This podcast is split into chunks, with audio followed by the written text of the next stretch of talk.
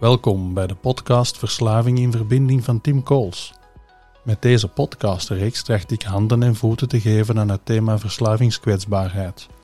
Dit doe ik door in gesprek te gaan met allerhande interessante mensen rond verslavings- en andere thema's. En dit met de bedoeling jou te inspireren bij het vinden van je eigen weg of bij het ondersteunen van iemand die zelf zoekende is. Neem eruit mee wat voor jou kan bijdragen aan een bewust en verbonden leven.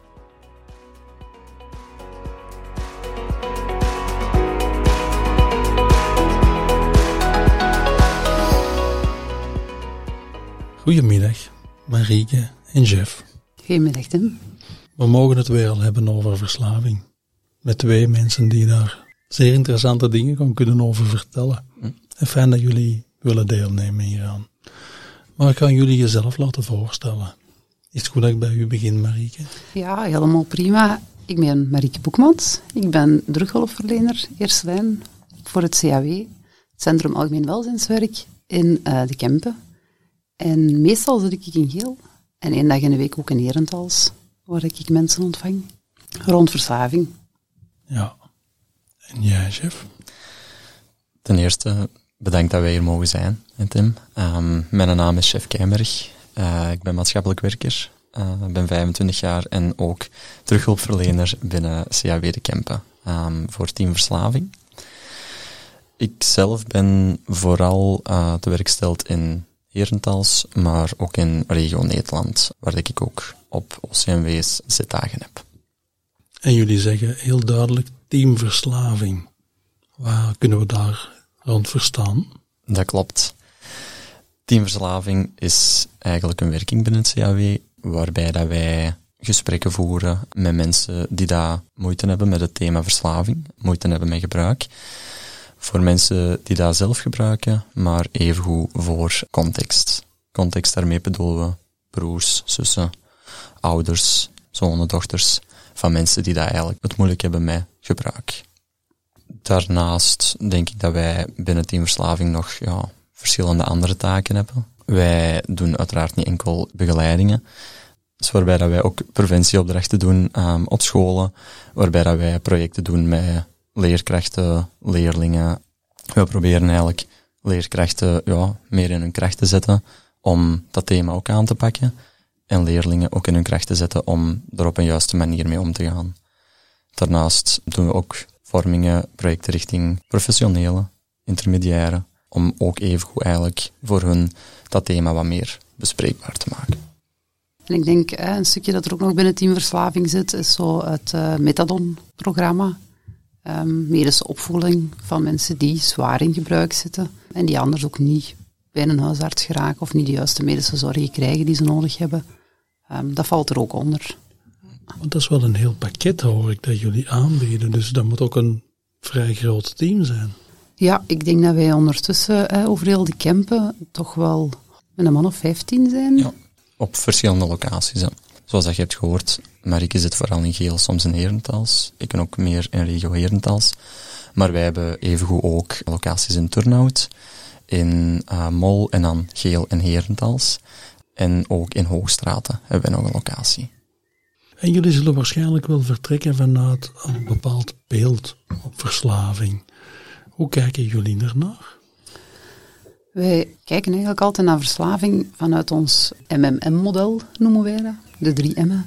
Uh, mens, middel en milieu. dus we vinden het heel belangrijk dat mensen weten dat verslaving niet begint bij één ervaring of dat verslaving niet komt omdat je één specifieke persoonseigenschap hebt of omdat toevallig iemand die je kent dat ook doet. Het is altijd wel een combinatie van heel veel verschillende dingen die maken dat iemand al dan niet in problematisch gebruik of in een verslaving terechtkomt. Dus we proberen ook altijd via die insteek te werken en ook uit te leggen tegen mensen dat het ook niet zo simpel is als, ah ja, je drinkt eens een pint te veel, dus je bent verslaafd. Dat is het zeker niet. Dus dat is zowel het ontstaan van een verslavingsthema, als hoe het begint te leven, dat thema, als hoe we het kunnen aanpakken. Wat zit in een, brede, een breed verhaal waar mensen in zitten. Ja. De drie M's. Ja, Mens, absoluut. middel, milieu, context. Hè, zo. Ja. Ik denk ook dat als we zo niet daarnaar zouden kijken, dat het ook heel moeilijk zou zijn om ja, te gaan werken met mensen. Als we enkel en alleen zouden focussen op één stuk, dan denk ik dat we nooit ja, de volledige persoon in beeld zouden kunnen krijgen. En ook zo ook niet ja, vanuit alle facetten eigenlijk zouden kunnen werken met die persoon en mensen ook niet echt zouden kunnen helpen. Ik denk dat ja, verslaving iets is wat dat, mensen soms kan, kan overkomen. Ik kijk er soms naar als, als een soort leugen die daar eigenlijk vaak heel vaak aan de mensen wordt verteld, waarbij dat het middel ja, de leugen heel vaak vertelt en dingen belooft aan de mens, dat soms spijt genoeg worden geloofd, tot op een bepaald moment. Ja. En het voor jullie dus belangrijk is om niet alleen aandacht te hebben voor wat is dat middel, maar ook heel hard van wie is die mens? En, en hoe gaat die mens daarmee om en welke kwetsbaarheid heeft die mens? Denk ik dan, Jeff en Marieke, dat jullie dat ook op die manier bedoelen. Hè? Ja, zeker. Ik denk dat je, dat je een verslaving niet los kan zien van de persoon die dat ermee kampt. Hè, of met problematisch gebruik. Want wij zeggen wel heel gemakkelijk verslaving, dat woord wordt ook heel gemakkelijk gebruikt.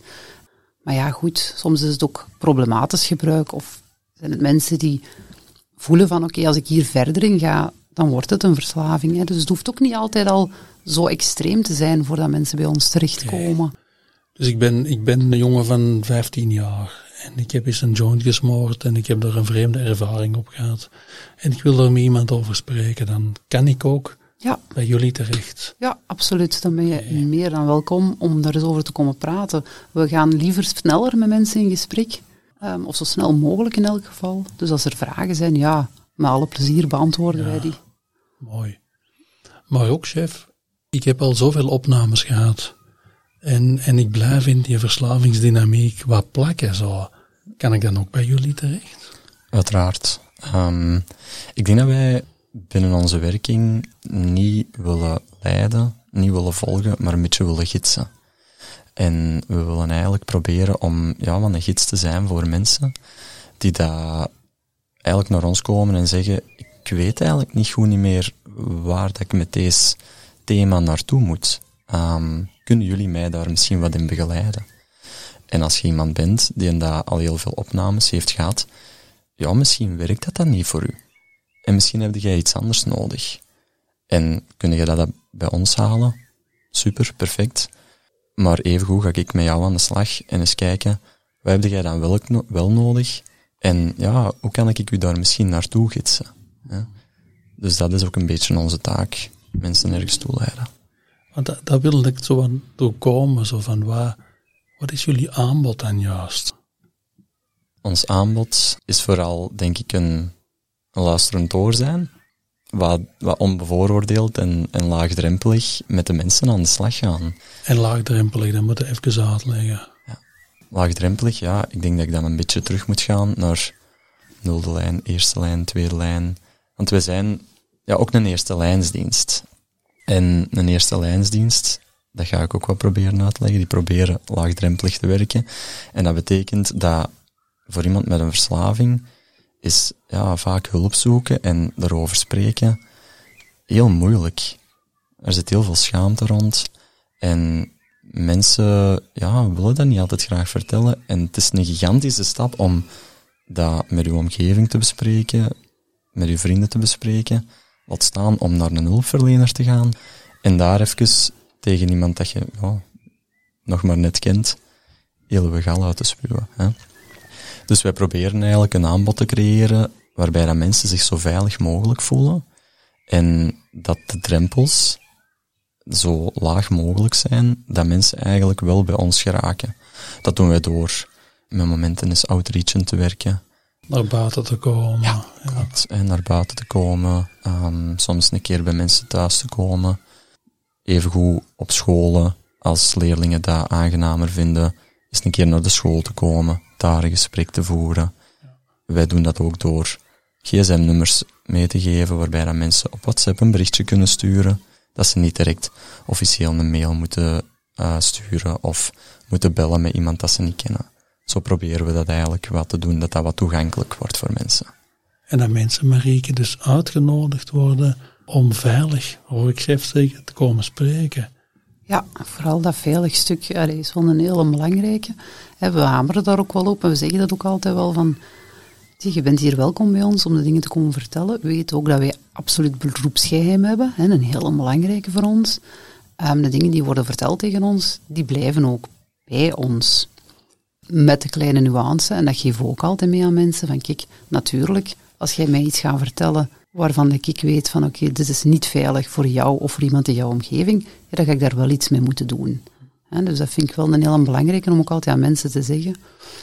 Maar voor de rest zijn de dingen die verteld worden ook wel echt veilig bij mij. Ja, dat mensen zich niet moeten afvragen, gaan vrienden van mij dat weten, gaan mijn ouders dat weten, um, ja, dat het echt, echt bij jullie blijft. En dat mensen dus durven spreken, want daar gaat het over. Ja. Een dialoog op gang brengen. Ja, absoluut. Wat ook de bedoeling van deze podcastreeks is. Dus het gaat altijd over dialoog. Mooi. Ja. Welke verslavingsvormen komen jullie zoal tegen? Wij hebben eigenlijk daarin, vind ik ook wel een, een, breed, ja, een breed publiek. Waarbij dat wij ons focussen op uh, mensen die daar bijvoorbeeld alcohol gebruiken, maar ook illegale middelen. Ook mensen die daar het moeilijk hebben met medicatiegebruik. Mensen die lastig hebben met gamen en gokken. Dat zijn zowat de, de vormen dat wij begeleiden. Ja, dus ook gedragsverslavingen, maar die zijn ook beperkt tot die dingen, dus gamen en gokken. Klopt. Spijt genoeg hebben wij geen aanbod voor eetverslaving, koopverslaving, seksverslaving. Dat zijn dingen die niet bij ons besproken worden. Ook niet um, sigaretten uh, bijvoorbeeld.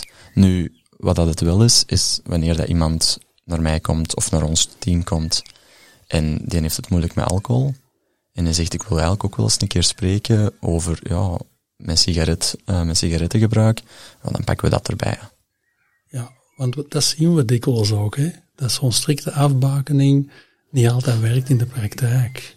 En dat ja, bepaalde verslavingsvormen ook waar samengaan, mm. denk ik. Hè? Ja, of dat uh, van één verslaving eigenlijk gevolgd wordt door een andere verslaving. Hè? Dus mensen die op een gegeven moment in hun leven een probleem hebben gehad met alcohol, daar dan wel van afgeraken, maar dan ja, na ja, een aantal jaren uh, in een moeilijke situatie terechtkomen en merken dat ze online beginnen gokken om eigenlijk terug een beetje in jezelfste roest te komen. Goed wetende van oké, ik moet van die alcohol afblijven, dat heb ik geleerd, maar dan wel gaan vervangen door iets anders. Nu, wat we ook wel hebben gezien uh, de laatste tijd, in cijfers die dat wij van het CAW hebben getrokken, is dat ook wel combi-gebruik is gestegen de laatste jaren.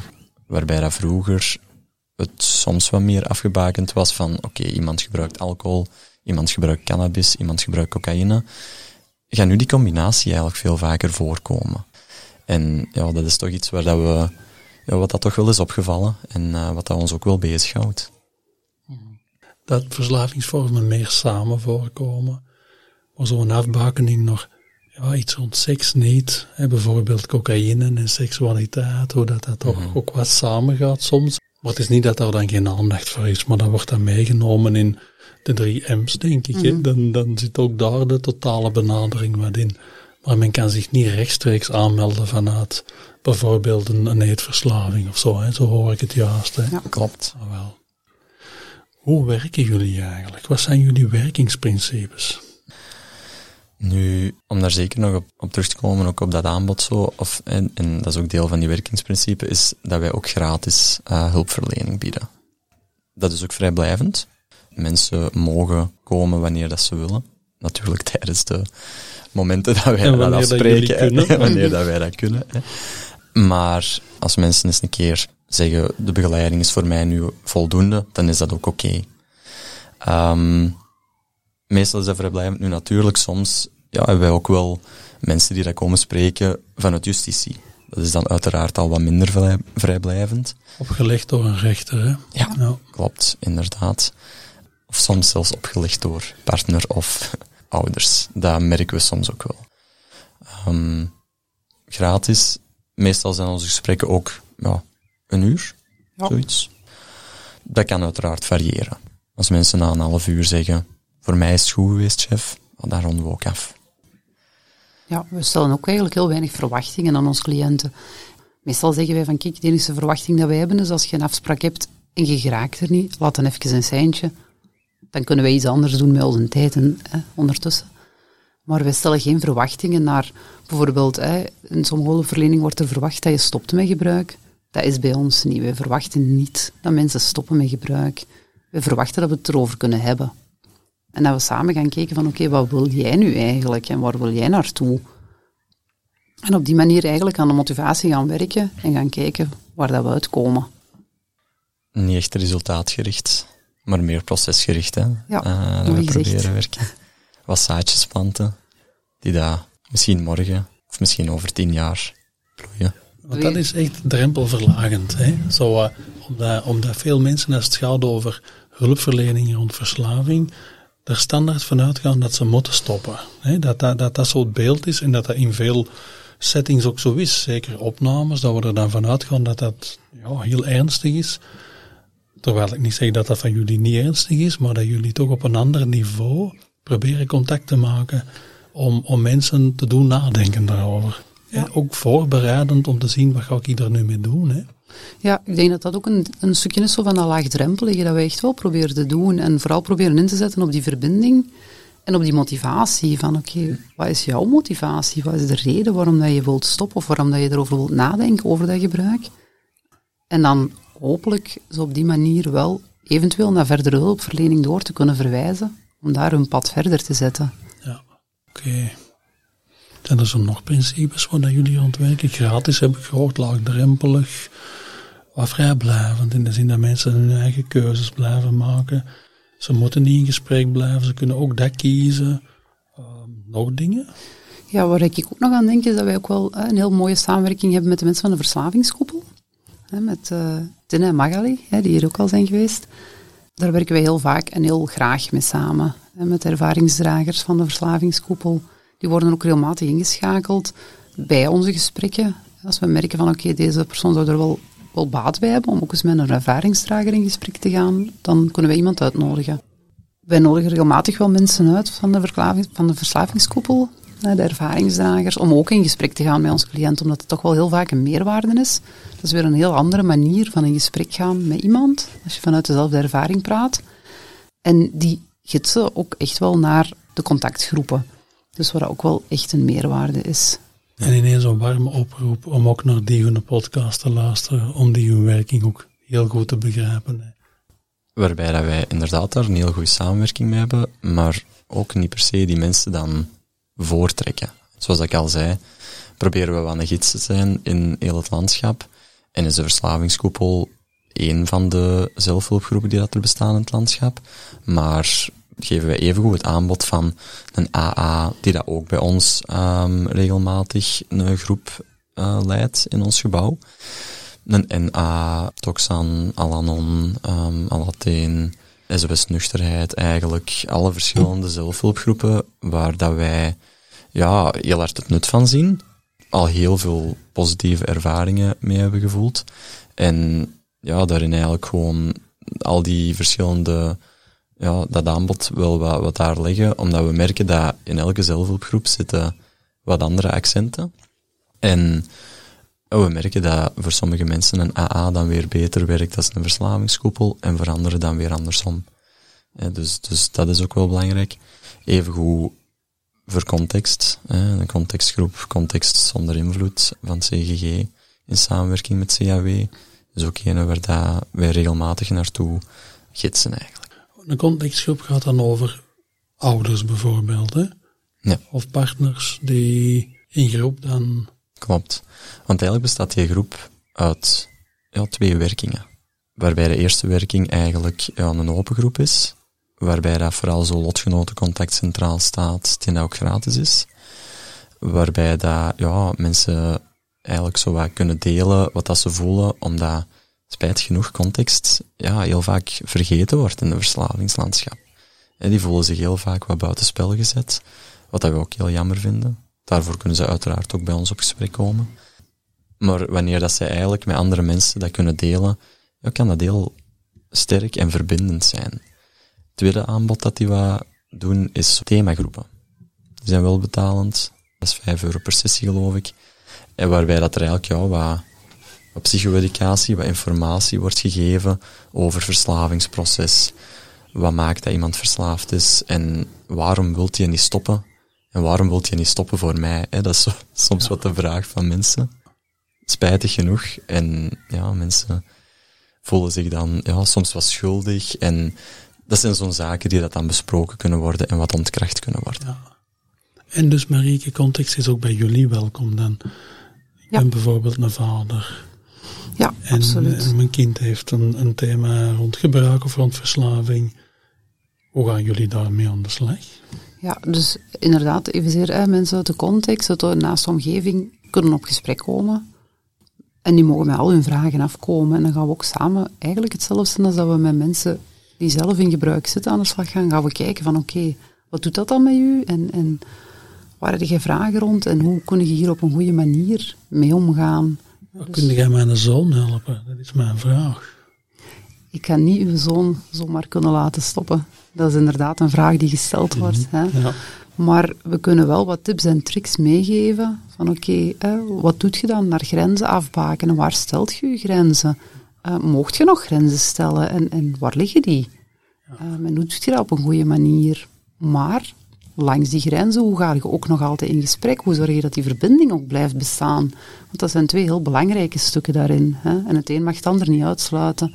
En dat vergeten mensen soms nog alles, omdat ze zo hard ja, daarin zitten en in dat gebruik zitten en in de leugens en het, het bedriegen, eh, dat dat soms heel moeilijk wordt. We zitten mee in die tunnel eigenlijk. Ja, het is ja. nodig om door te spreken, dat, dat terug wat te gaan verbreden en terug nieuw water binnen te krijgen. En ook terug het recht te creëren om te mogen begrenzen, denk ik. eh, van iemand te kunnen horen ook, hè Marieke? Ja, ja, absoluut. En ook zo een, een stukje, vinden we ook nu heel belangrijk, zo psycho-educatie van, wat is dat nu eigenlijk, een verslaving? Wat doet dat met uw hersenen? Want dat doet wel iets met een mens. Dus echt uitleg over hoe, hoe dat werkt. Zo. Ja, ja. want dat maakt wel dat mensen terug een beetje meer begrip krijgen voor elkaar. En dat er terug wat openheid komt van, oké, hier kunnen we wel over praten. Het is niet zomaar, hè, je hoort dat soms, mensen zeggen ooit wel eens, ja, hij moet maar gewoon wat karakter hebben. Zo simpel is het natuurlijk niet. Ja, waar karakter misschien in het proberen er iets mee te doen wat meespeelt. In de drie M's, in al die facetten die meespelen. Maar waar dat er zoveel andere dingen meespelen, ook de neurologische dynamiek. En dit gaan begrijpen geeft slagkracht om er iets mee te doen. Plus, het helpt ook om de relatie met een kind overeind te houden. En dat is zo belangrijk. Want als we verslaving ja, als verantwoordelijk zien, als de schuld in relatie, zo, dan, dan is daar ook nog schade en dat is zo zonde. Ja, als we het kunnen zien als een dynamiek op zich en gaan zoeken hoe kunnen we er zorg voor gaan dragen om iemand te helpen, iemand uit te nodigen om geholpen te kunnen worden, dan ehm, ja, krijgt dat wel een werkbare dynamiek, denk ik. Hè. ja, absoluut. En ook zo de mens achter de verslaving terug kunnen zien. Zo niet meer alleen de mens zien als de verslaafde, maar ook, ja, wat zit daarachter, hè? Ja, inderdaad. Zoals dat je ja, goed zei, inderdaad, zo, dat, in verbinding brengen. Hè, dat, ik denk dat we daar het hardste op focussen, vooral met context. Want wanneer dat mensen niet meer in verbinding kunnen gaan, bijvoorbeeld met hun kind dat het moeilijk heeft met middelen, dan is er ook weinig nog werkbaar. Is er nog weinig ja, mogelijk in die relatie. En denk ik dat het ja, toch nog net belangrijker is dat het thuis ook ja, een beetje leefbaar blijft voor iedereen. Ja, want dat wordt heel nauw, hè.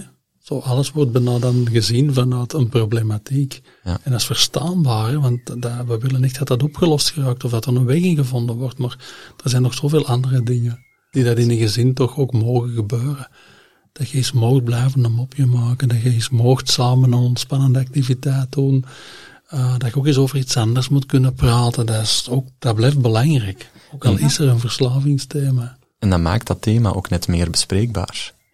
Wanneer dat het niet altijd over die verslaving moet gaan, kan het er net soms wel over gaan.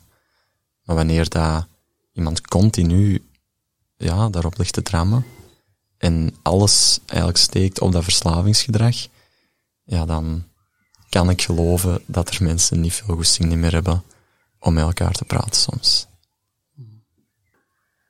Stel, ik heb een vraag naar jullie. Ja, Want jullie geven een heldere uitleg. Er is een zaadje in mij aan het groeien van misschien kan ik eens bellen naar iemand. Of kan ik er eens contact mee opnemen. Maar dat heeft tijd nodig. Dat is niet evident. Maar ik luister nu naar die podcast en ik, ik voel dat er misschien iets mogelijk is. Hoe, hoe kan ik mij aanmelden bij jullie? Hoe werkt dat? Ja, wat dat eigenlijk de simpelste weg is, denk ik, is gewoon naar de website van het CAW surfen, caw.be. En daar staan contactgegevens op. Daar staat een, e-mailadres op, daar staat ook een telefoonnummer op, waar je gewoon eigenlijk rechtstreeks naar kan bellen. Het enige wat mensen van u vragen is van oké, wat, is uw naam? Mogen wij een telefoonnummer dat we u terug kunnen contacteren? En rond welk thema zoek jij hulp? Hè? Want het CAW is breder dan alleen wij, team verslaving. En dan gaan wij de mensen opbellen. Wij krijgen dat dan binnen. En dan nemen wij contact. Dus dat is eigenlijk de makkelijkste weg. Dus mensen komen niet rechtstreeks bij jullie terecht als ze, als ze bellen? Nee. Want het kan zijn dat iemand denkt, oké, ik heb de chef gehoord of ik heb Marieke gehoord, daar zou ik direct willen mee bellen. Maar zo werkt het niet. Wanneer dat mensen een mail sturen naar het e-mailadres verslavingeerstelijn.cawdekempen.be, dan komen ze rechtstreeks bij ons team verslaving uit. Dus dan zal ook iemand van ons team rechtstreeks antwoorden. Dan wordt meestal inderdaad ook de vraag gesteld van, van welke locatie dat de mensen zijn, zodat we eigenlijk ja, daar de juiste hulpverlener op kunnen zetten. En dan gaat die hulpverlener met zijn of haar persoonlijke gegevens antwoorden, zijn of haar persoonlijk e-mailadres, en dan krijgen de mensen ook de werk-gsm van die hulpverlener en dan kunnen ze eigenlijk zo rechtstreeks uh, contact hebben met die persoon via bellen, sms'en, WhatsApp, hoe dan ook. En hoe gaat het dan verder? Ik, krijg, ik word gecontacteerd en dan... En dan nodigen wij u uit om tot bij ons te komen. Dus daarom dat het belangrijk is dat we weten van waar de mensen ongeveer zijn, zodat we kunnen kijken van waar is het kortste bij voor u. We proberen het ook gewoon een beetje gemakkelijk te maken voor de mensen. En dan nodigen wij u uit om op gesprek te komen, om eens langs te komen. Op een moment dat voor ons allebei past, natuurlijk. Ja. En zo snel mogelijk. We proberen daar echt wel rekening mee te houden dat we mensen binnen een week, maximum twee weken, voor de eerste keer kunnen spreken. Dat is snel.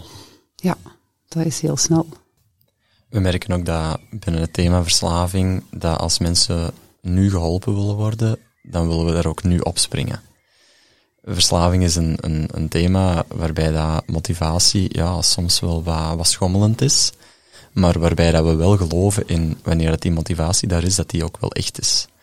Dus wanneer dat mensen zeggen, ik wil graag, graag op gesprek komen, oké, dan springen we daar nu op. En dat is iets waar dat we ergens ook wel trots op zijn binnen onze werking dat we eigenlijk zo snel mogelijk uh, mensen een afspraak kunnen bieden. En dat je het ook kan. Het moet praktisch ook mogelijk zijn natuurlijk. Ja. Ons team is ook gigantisch gegroeid in de laatste jaren. Ik denk dat dat zeker in de laatste jaren minstens verdubbeld is. Omdat we merken dat het een thema is dat wel ja, meer en meer bespreekbaar wordt. Meer en meer wat op de, oppervlakte komt. Hè. Ik denk dat lokale besturen, overheden ook wel beginnen door te hebben van ja, kijk, het is er en we moeten ermee aan de slag. En daarom wordt daar met momenten ook wel in geïnvesteerd. En dat zorgt er ook voor dat wij kunnen blijven werken zonder wachtlijst en dat we eigenlijk ervoor kunnen zorgen dat we heel snel bereikbaar zijn voor de mensen. We proberen mensen ook altijd zo snel mogelijk terug te contacteren. Dus geen wachtlijst? Nee, geen wachtlijst bij ons. Amai zeg, fijn. En als we dat met, met mensen afspreken, proberen we dat zo goed mogelijk uit te leggen waar dat ze moeten zijn. En als ze dan zeggen van ja, wil jij eens een keer eerst naar buiten komen, vooraleer dat, dat ik naar binnen moet gaan of zo, want ik vind dat wel wat spannend. Geen probleem. Dat je samen kunt binnengaan eigenlijk, hè? Dat iemand aan de straat of zo opwacht. Ja, inderdaad. Het kan zelfs zo zijn dat als iemand graag een wandeling gaat doen, geen probleem. Dan gaan wij een uurtje wandelen. Ergens in een park zitten. En dan kan dat gesprek zo eigenlijk op een heel rustige en leuke manier wat openbloeien. Ja. Heel flexibel hoor ik, op wat voor mensen werkt. Hè. Ja, ja, dat proberen we toch. En dan in dat eerste gesprek, ja, maken we kennis. Hè. Wie ben jij? Wat doe jij? Waarom ben je hier? En wat is eigenlijk jouw vragen? Waar wil jij naartoe gaan? En hoe kunnen we daar samen, uh, op een manier die dat voor jou ja, werkt, naar, naartoe gaan? En als je daarna graag een, een nieuwe afspraak hebt, dan kijken we, oké, wanneer kan dat? we proberen echt wel wat te werken op wat dat de mensen nodig hebben en wat dat wij daarin kunnen bieden. En dat is dan op basis van gesprekken doen, ik. Is dat dan om de 14 dagen, Marieke? Of is dat om de week? Of hoe moet ik me dat voorstellen? Ook dat is eigenlijk een beetje afhankelijk van wie dat we voor ons hebben. Soms als dat een nieuwe begeleiding is, en die vraag is heel dringend, dan zie ik mensen echt wel elke week. Maar als dat bijvoorbeeld iemand is die uit opname komt en die vooral een vraag heeft naar nazorg, hè, van houd nog even mijn hand mee vast om te zorgen dat het goed loopt, ja, dan kan het zijn dat we om de twee of drie weken elkaar zien. Om gewoon even te checken van oké, hoe loopt het? Waar het nog moeilijk mee? Zijn er dingen wat we nog kunnen doen? Of hebben we nog iets meer nodig? Um, dus ook dat is op vraag van de cliënt. Ja. Want ik kan me voorstellen dat in dit thema begeleidingen ook wel lang kunnen duren. Voelen jullie dat ook? Ja, absoluut. Er zijn heel veel mensen die wel echt ja, jaren begeleiding nodig hebben bij dit thema. En die ook jaren in begeleiding kunnen blijven. Ja, en dan zou het kunnen zijn op langere termijn dat het moeilijk wordt om nog plaatsen te hebben. Daarin proberen we eigenlijk ja, een beetje uh, wat baas te zijn. We zijn sowieso baas van onze eigen agenda. En daarin proberen we, als we merken van oké, iemand heeft dan misschien toch een ander aanbod als wij nodig, dan toch die mensen dan weer te gidsen naar een ander aanbod.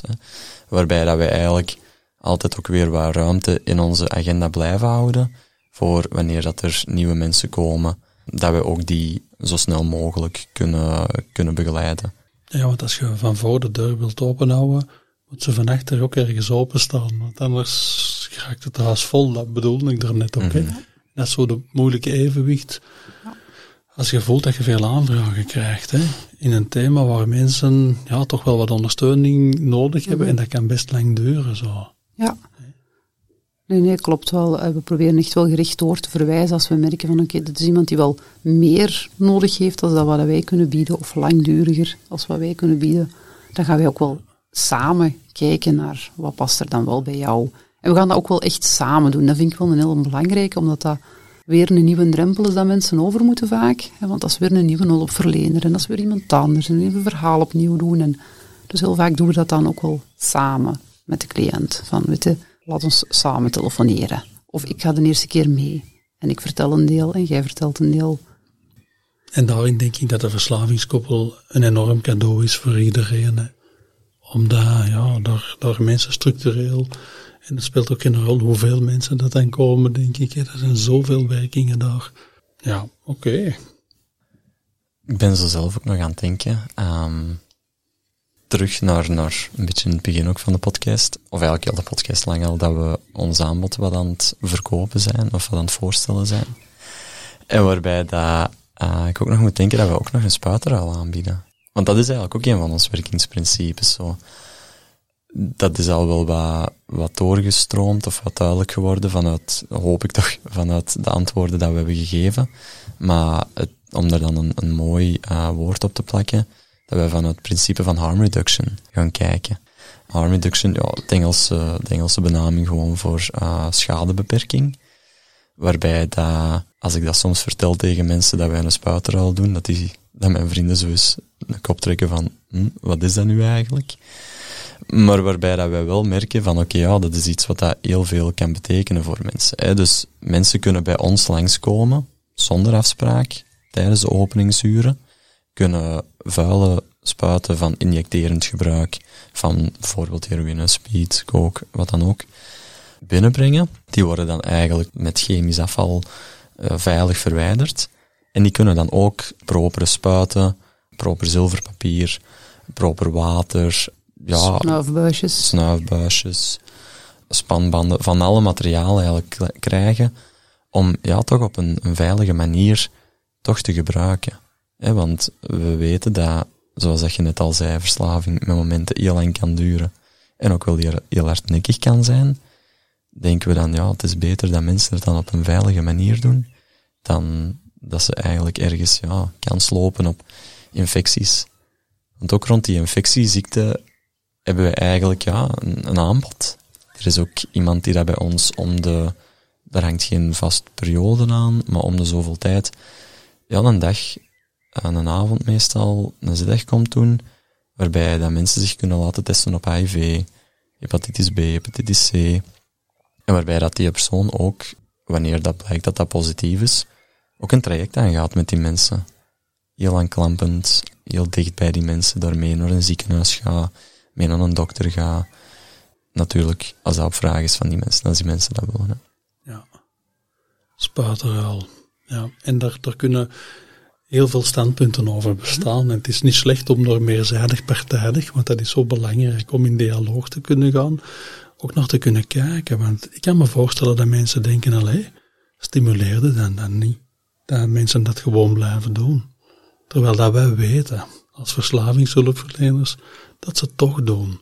En dus kunnen we beter de gezondheidswinst, niet alleen voor hun, maar ook voor de omgeving. Want HIV kan besmettelijk zijn, weet ik wat er allemaal dan kan gebeuren. Laat staan spuiten die in, in, uh, in een vuilbak in, in een stadspark terechtkomen of een kind loopt erin. Je moet het maar voor hebben. Dus ook dat is maatschappelijke zorg door deze dingen te doen.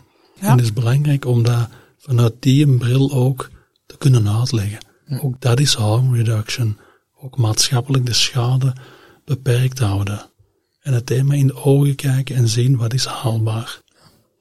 Ja, en ook, we kennen de mensen ook die vaak langskomen. Hè, want het zijn ook altijd dezelfde personen die dan gaan langskomen. En dat zijn kleine momentjes, maar we grijpen die dan ook wel vaak aan om eens te checken van, hoe is het voor de rest? Heb je nog iets extra nodig? Dus we proberen ook daar dan wel opnieuw in verbinding te gaan met die mensen. Ook al komen die in eerste instantie alleen maar voor proper materiaal we proberen daar toch wel wat contact mee te krijgen en eventueel een relatie te gaan, om van daaruit weer te starten. Zo mooi dat je toch ook zoekt hoe we die mensen toch kunnen erbij houden, in de boot houden en ervoor te gaan zorgen. En ehm, dat betekent niet dat we het gebruik zomaar laten, maar dat we ze wel stimuleren om er proberen iets mee te doen, of toch te zien wat ze met je materiaal al doen. Hè? Zeggen, als je zo spreekt over maatschappelijke zorg, dan denk ik ook wel dat dat iets is waar, waar dat CAW ook wel echt voor staat. We proberen ook een beetje mee te surfen op de golven van de maatschappij. Zoals dat we al zeiden, doen we op dit moment veel individuele begeleidingen. Maar dat is ook niet dat is iets wat onze werking op dit moment doet, maar dat is niet iets wat dat sowieso vaststaat. Dus wij, wij gaan eigenlijk kijken wat, wat heeft de maatschappij nodig en welk aanbod vinden wij dan belangrijk om te bieden. En als nu blijkt dat over x aantal jaar het toch relevanter is om dan bijvoorbeeld meer richting een groepsaanbod te gaan of zo, dan gaat CAW daar ook wel proberen om, om wat op, op in te spelen. CAW doet uiteraard ook niet alleen een aanbod naar verslaving, maar ook naar ja, verschillende andere thema's zoals bijvoorbeeld intrafamiliaal geweld. Wij bieden ook ja, gesprekken bijvoorbeeld met eerste lijns psychologen aan, dat mensen ook eens wat gesprekken kunnen komen doen. Mensen het moeilijk hebben, bijvoorbeeld JAK, waarbij dat jongeren ook altijd kunnen langskomen. Eigenlijk een heel breed gamma, waarbij dat wij binnen dat CAW ook wel proberen samen te werken met elkaar en die, die linken ook wel wat naar elkaar proberen te leggen. Ja, we weten ondertussen ook wel uit onderzoek, en we merken dat zelf ook heel vaak in begeleidingen, dat er bijvoorbeeld een hele grote verband is hè, tussen, tussen verslaving en intrafamiliaal geweld. Hè. Heel vaak gebeurt intrafamiliaal geweld onder invloed, omdat mensen onder invloed zijn, of mensen gaan gebruiken omdat, ze, omdat er thuis intrafamiliaal geweld is en ze moeten een manier zoeken om ermee om te gaan. Dus er is een heel groot verband. Op dit moment is er nog te weinig onderzoek om echt te zeggen van oké, dat is juist het verband en zo zit het in elkaar. Maar dat er een verband is, is wel heel duidelijk. En daar willen wij ook wel als CAW ook wel echt op inzetten, dat we die twee thema's aanpakken. Omdat dat wel heel belangrijk is. Je moet wel wat kracht hebben, denk ik, om in deze werking te staan. Hè?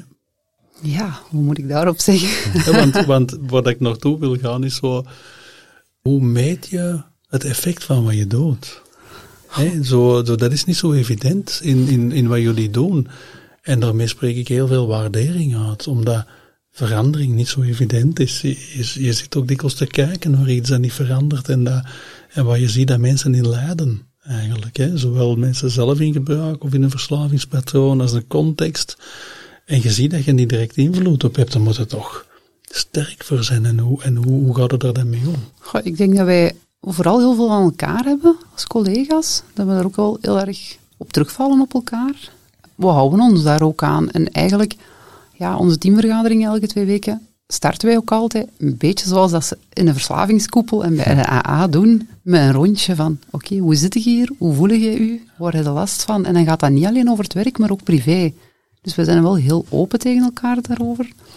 Ja, als wij ergens op vastlopen of we hebben een begeleiding die, die niet goed meer voelt of waar we het niet goed weten, dan kunnen we dat ook wel bespreken met elkaar.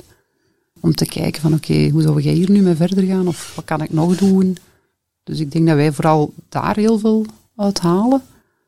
Ja, en voor mijzelf persoonlijk probeer ik echt heel vaak te kijken naar de kleine, kleine stapjes dat mensen zetten. Ook al is dat maar een heel klein stapje, maar daar haal ik wel heel veel voldoening uit. Het feit dat iemand al terug op gesprek komt.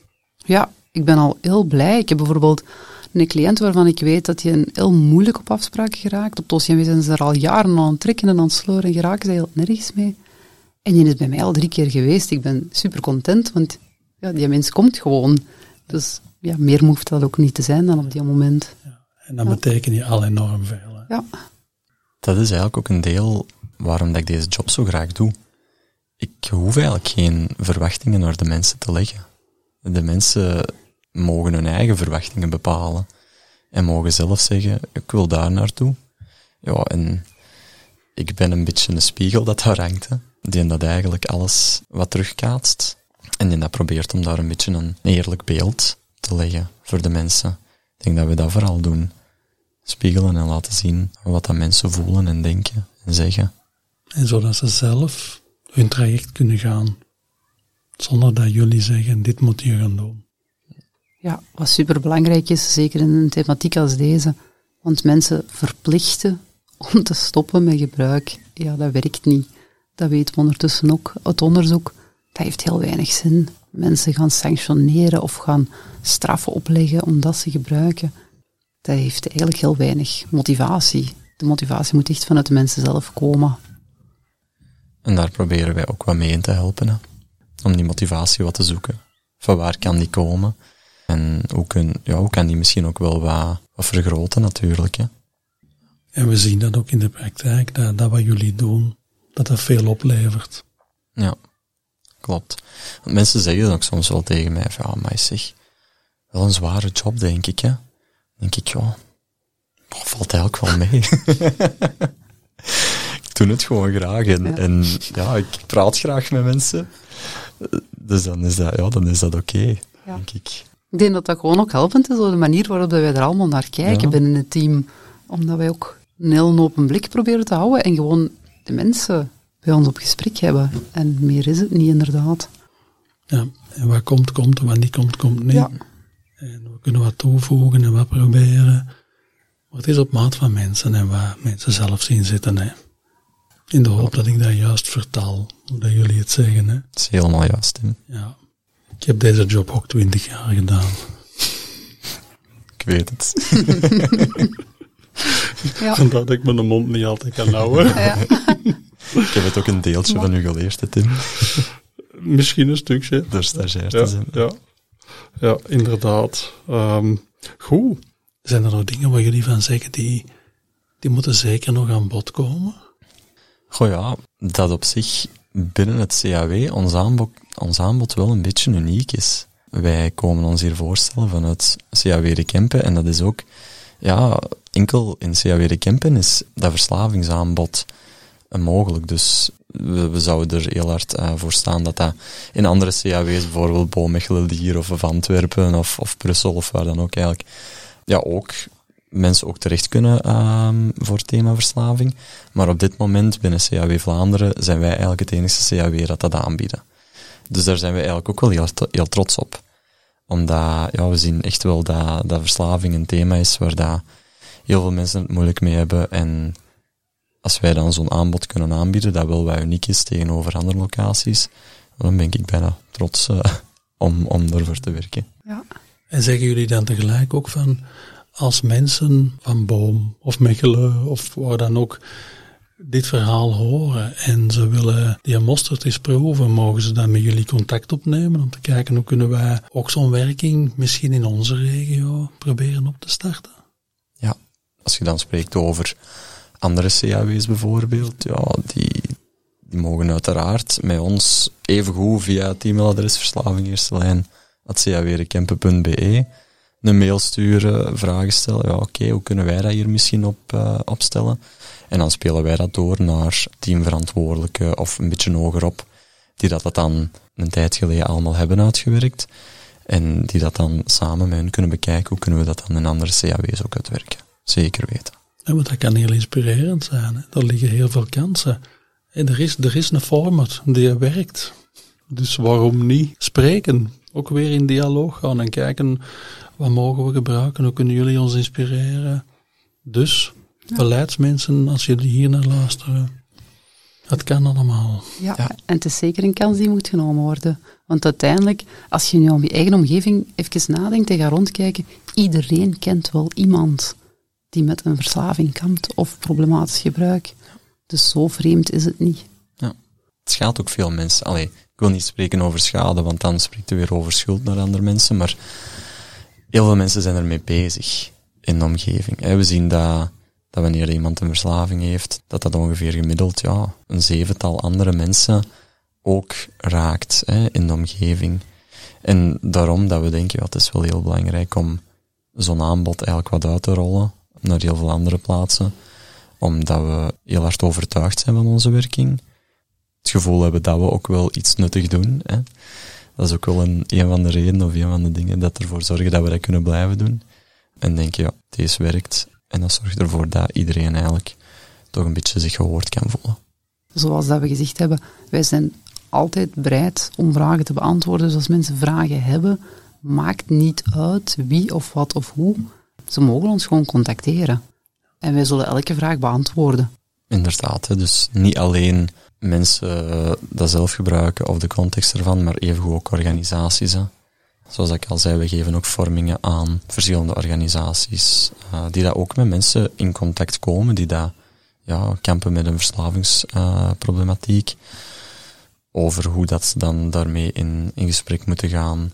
We gaan dan niet verwachten van die mensen dat dat ook terughulpverleners worden, maar we gaan wel proberen om die mensen ja, krachtig genoeg te maken om toch dat gesprek open te trekken, die een taboe daar wat af te halen en dan er op een gegeven moment voor zorgen dat die mensen misschien uiteindelijk tot ons geraken. Hè? En daar toch eens een keer ja, over in gesprek kunnen gaan. Dat je niet per se de grote specialist moet zijn om toch over dit thema te kunnen spreken, want zo wordt er dikwijls naar gekeken. Hè? En dat is ook al zo belangrijk om samen zorg te gaan dragen, dat een leerkracht ook in gesprek kan gaan dat een hulpverlener op een OCMW dat ook kan. Zoals dat jullie ook kunnen spreken over andere thema's, denk ik. En dat dat niet zo ja, enkel in een specialisme moet zitten, maar dat je toch wat basiskaders hebt of de moed ontwikkelt om, om over verslaving te durven spreken. En dat is wat dokter Patrick Vloemans ook mhm. zegt in een van de vorige podcasts. Van als huisarts heb je ook heel veel mogelijkheden om mensen daar rond te sensibiliseren en een aanbod te doen. Dus dat is ook een warme oproep.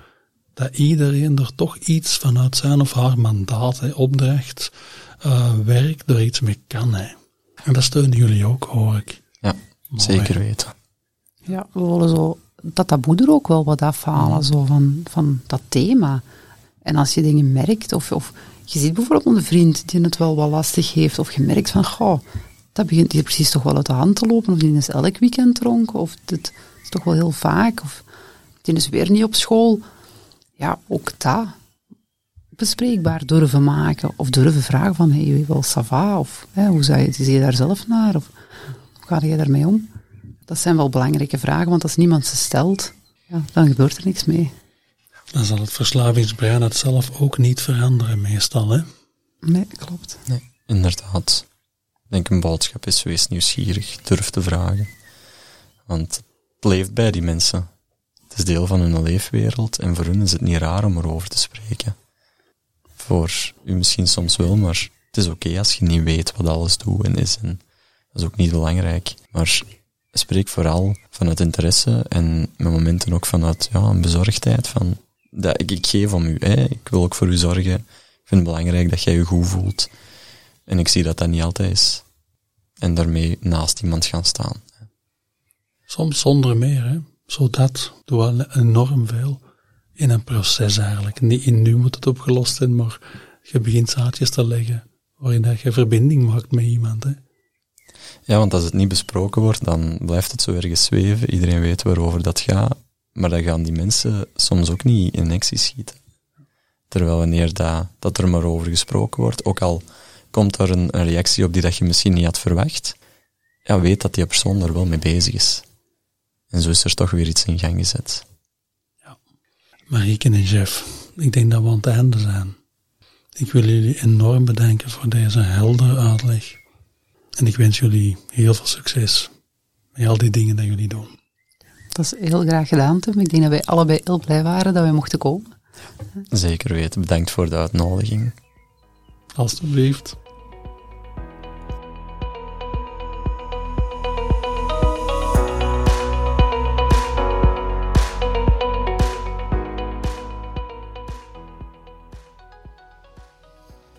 Team Verslaving van CAW De Kempen wil iets betekenen voor iedereen die met verslaving of gebruik te maken heeft. Ik onthoud dat ze met een warme, zorgzame insteek mensen ontvangen om samen te zoeken naar herstel, verbinding en dialoog. En als jij na het luisteren van deze podcast zelf ideeën hebt die kunnen bijdragen aan deze reeks, dan kan je me mailen op verslavinginverbinding.telenet.be. En zo gaan we samen naar betere zorg voor mensen die worstelen met deze kwetsbaarheid.